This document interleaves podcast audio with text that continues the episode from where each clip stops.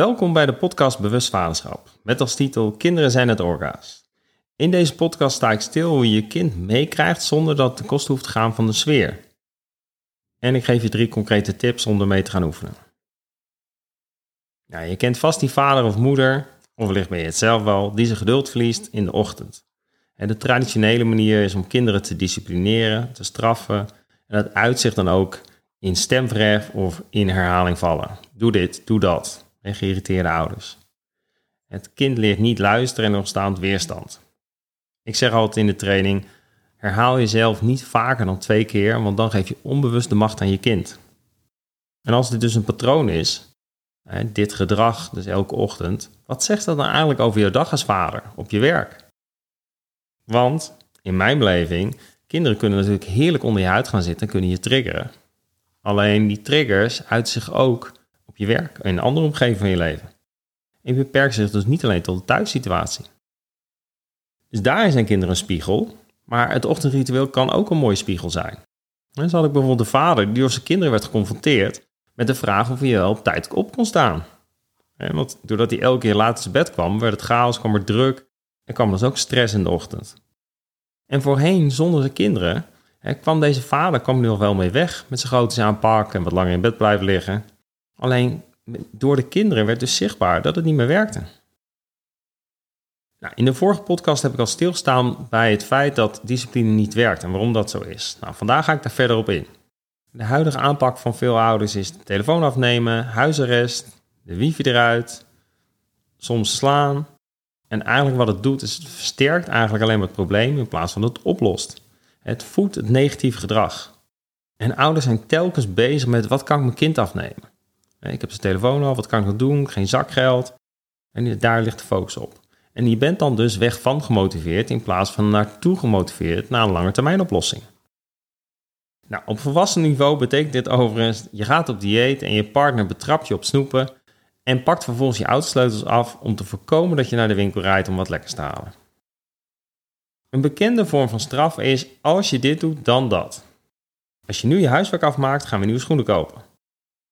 Nou, als het zou werken, dan zou je kind stoppen. En soms gebeurt het ook tijdelijk. Maar wees nou eerlijk, is de situatie echt verbeterd hierdoor? Een ander belangrijk stuk in disciplineren en straffen is welke overtuiging heb je als ouder op dit stuk. Dus als je gelooft dat discipline een essentieel onderdeel is van ouderschap, dan doe je dus ook de aanname dat kinderen ongedisciplineerd zijn en beschaafd moeten zijn.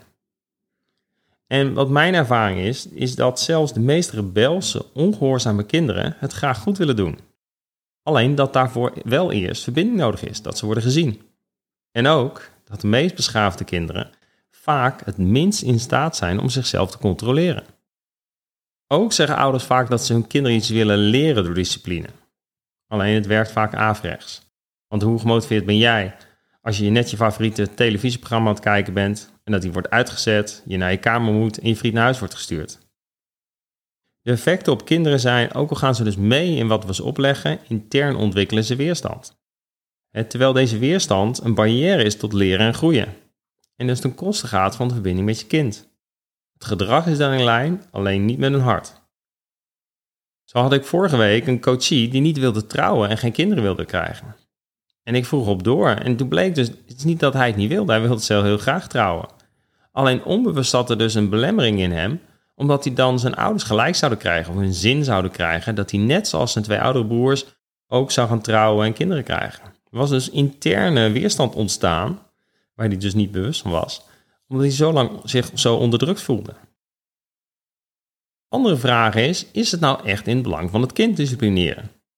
Heeft het nou zin? Ik heb wel eens gehoord dat iemand als kind in een donkere kast is gestopt en dat de ouders zeiden van, ja, insecten ga je pakken omdat je stout bent geweest. Nou, het zal vast een intentie hebben gehad om het kind iets te leren. Alleen, het werkt niet. Dat kan je denk wel voorstellen. Nou, mijn eigen voorbeeld hierin is dat ik, toen mijn oudzoon heel jong was, dat ik hem onder de koude douche heb gezet. Ik begreep hem niet en hij bleef onrustig, boos en agressief. En eigenlijk ervaarde ik dus onmacht. Ik wist niet meer wat ik moest doen. Ik wist niet meer hoe ik in contact met hem kwam. Toen heb ik hem onder de koude douche gezet. Ik heb dat met het bewustzijn van toen met naar beste inzicht gedaan. Alleen het was niet handig. Waarom werkt het niet disciplineren? Is omdat het zich concentreert op het gedrag en niet op de gevoelens die het gedrag aansturen. Het disciplineren ondermijnt juist wat we als ouder proberen te bereiken. En als we geen verbinding maken met hun gevoelens, zullen we niet in staat zijn om te verbinden met hun gedrag. En dus om dat naar het positieve te brengen. Samenvattend, discipline is contraproductief. En ik hoor je nu zeggen: Oké, Roderick, leuk, maar hoe leert mijn kind dan wel? Kinderen leren als ze verbinding met ons ervaren. Dan is er dus genoeg ruimte om feedback te ontvangen in plaats van dat ze constant worden getriggerd omdat ze het niet goed doen. En dat ze constant horen: je doet niet, dit niet goed, dat niet goed. Want daardoor leren ze juist minder en het werkt demotiverend. Hiermee zijn we meteen aangekomen op mijn eerste tip. Geef positieve feedback. Benoem wat je kinderen dus wel goed doen. En jij mag dus gaan oefenen om minder je te richten op wat ze niet goed doen. En je kind slaat een ander kind. In plaats dat je zegt, hé, hey, niet slaan, zeg je, hou je handen bij jezelf. Of, wat ik wel eens tegen mijn autistische zoon zeg, schelden doe je in je hoofd. En die zijn altijd heel eerlijk, alleen soms is het niet handig. Het gaat erom dat positieve feedback beter werkt. Kinderen krijgen zelfvertrouwen, worden enthousiast en waardoor het gewenste gedrag zich natuurlijk gaat herhalen. En hierin lijken kinderen dus op orka's. Een orka iets proberen te leren door met te straffen is compleet zinloos. En je mag blij zijn als de orka niet geïrriteerd raakt en besluit de irritatiebron op te eten. En wanneer je een orka consequent beloont voor gewenst gedrag, kan je orka's de meest waanzinnige acties aanleren. En wellicht heb je wel zo'n show gezien. Nou, en wat er eigenlijk gebeurt met positieve feedback is dat op jonge leeftijd gaat het nog wel goed. En die baby die voor het eerst lacht, die krijgt meteen applaus. Alleen naarmate kinderen ouder worden, bijvoorbeeld tieners, gaat de meeste aandacht uit naar wat nog beter kan. Bijvoorbeeld je kind komt thuis met een mooi rapport en er staat één onvoldoende op. Dan blijkt uit onderzoek dat toch de meeste aandacht gaat naar die ene onvoldoende. Dit was tip 1. De focus op wat wel goed gaat en wat je wel wilt van je kind. De volgende tip is, tip 2, laat de gevolgen hun werk doen. Er zijn namelijk natuurlijke gevolgen aan al het gedrag. Op het moment dat je kind niet opruimt, betekent dat hij erover kan struikelen en dat je het later moet doen wanneer je geen zin meer hebt, of dat je net wil gaan spelen en dat je iets niet kan vinden, enzovoort enzovoort. Een uitdaging die ik ouders vaak meegeef eh, tijdens de training is dat ze hun kind laten ervaren als ze te laat komen op school. Overigens is dit vaak een grotere uitdaging voor de ouder dan voor het kind. Want de ouder wil heel graag voorkomen dat een kind te laat komt, zodat anderen mogelijk, dat zij het gevoel hebben dat anderen mogelijk denken dat zij een slecht ouder zijn. Deze tip vraagt dus heel veel geduld. En dit is dus ook een voorbeeld hoe het redden van onze kinderen, door toch geforceerd op tijd te komen, hun leert om geen verantwoordelijkheid te hoeven nemen. Te laat komen, de bus missen. ouders zijn dus bang om een slechte ouder te zijn. Terwijl je dat dus continu fixt, heeft je kind op latere leeftijd een probleem. Nou, mijn vraag aan jou, wat fix jij nog voor je kind? Ik ruim nog echt te veel voor mijn kinderen zonder het eerst aan hun te vragen. Nou, dit waren de gevolgen werk laten doen. Tip 2. Volgende tip, tip 3. Het ijzer smeden als het koud is.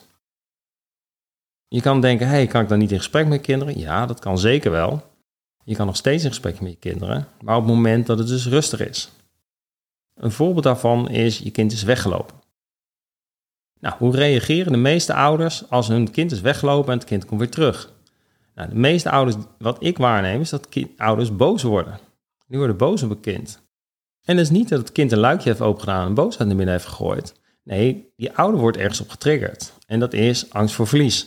En wellicht ook eigen stukken die er mogen komen. Dat is sowieso winst om naar te kijken. Maar vanuit die angst reageren ze boos naar, naar hun kind. Terwijl de functie van boosheid is mensen op afstand houden. Dus je duwt eigenlijk vanuit de metafoor je kind weer weg. Heel veel ouders zijn daar niet bewust van. Een betere aanpak is dus door te zeggen: Hé hey, lieverd, wat fijn dat je er weer bent. Ik maakte me echt zorgen. Waar was je? Vertel. En vervolgens is je kind komt binnen, we gaan lekker eten. En wat ik dan deed is s'avonds, als mijn zoon ging slapen, dan zei ik: Hé, hey, wacht even. En dan sprak ik hem streng toe, maar gewoon kort en krachtig. Hé, hey, dat doen we niet weer. Afgesproken?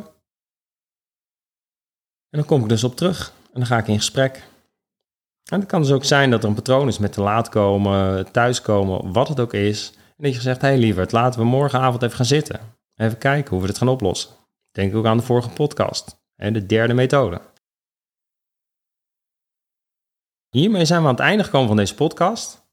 En ik heb een challenge voor als je dat leuk vindt. Is om te gaan oefenen om een week niet te straffen. En dus geen consequenties te verbinden aan gedrag. Eigenlijk een stapje terug te doen en te observeren wat dit doet met je kind en bovenal ook met jezelf. Ik ben heel benieuwd. Laat je me weten hoe het is gegaan. Fijne dag.